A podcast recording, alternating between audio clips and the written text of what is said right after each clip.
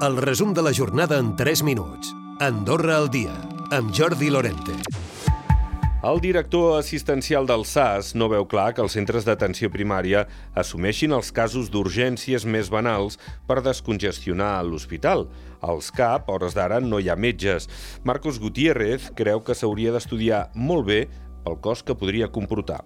Jo crec que el propi és desenvolupar l'atenció primària, organitzar l'atenció primària, intentar abordar aquestes urgències des de l'atenció primària i per això dic que jo crec que l'anticipar-nos a posar, no? a, a, a assegurar que el, lo, la millor manera és eh, fer un, o posar un metge als CAPs, bueno, eh, requereix un estudi i requereix unes, unes mesures, jo crec que primer passaria, jo crec per intentar trobar la fórmula en atenció primària per abordar aquests pacients des de la consulta d'atenció primària.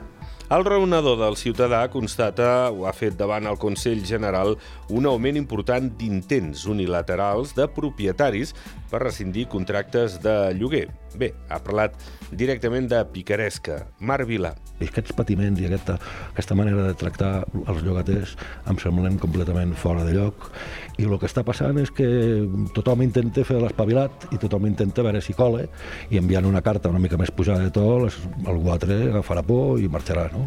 I això és el que s'ha de tallar i això és el que no pot ser. Recordava que l'any passat prop de la meitat dels expedients van ser per la qüestió de l'habitatge, alertant que el problema s'allargarà els propers 20 anys. També afegia que cal evitar l'arribada de fons d'inversió especulatius. Ho feia durant la presentació de l'informe de l'any 2021. El cònsul major d'Ordino anunciava a Ràdio Nacional que després de les eleccions comunals abandonarà la política.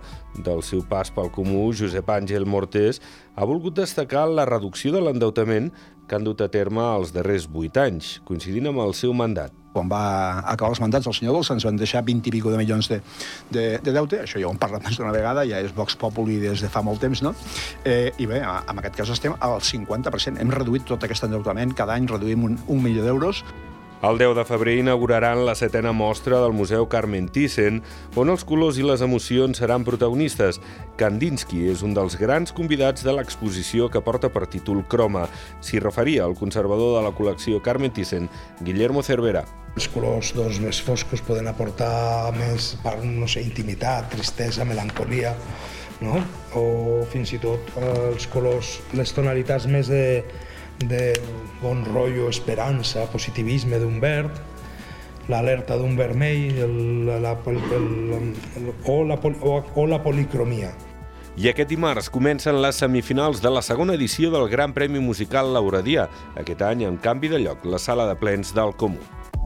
Recupera el resum de la jornada cada dia a Andorra Difusió.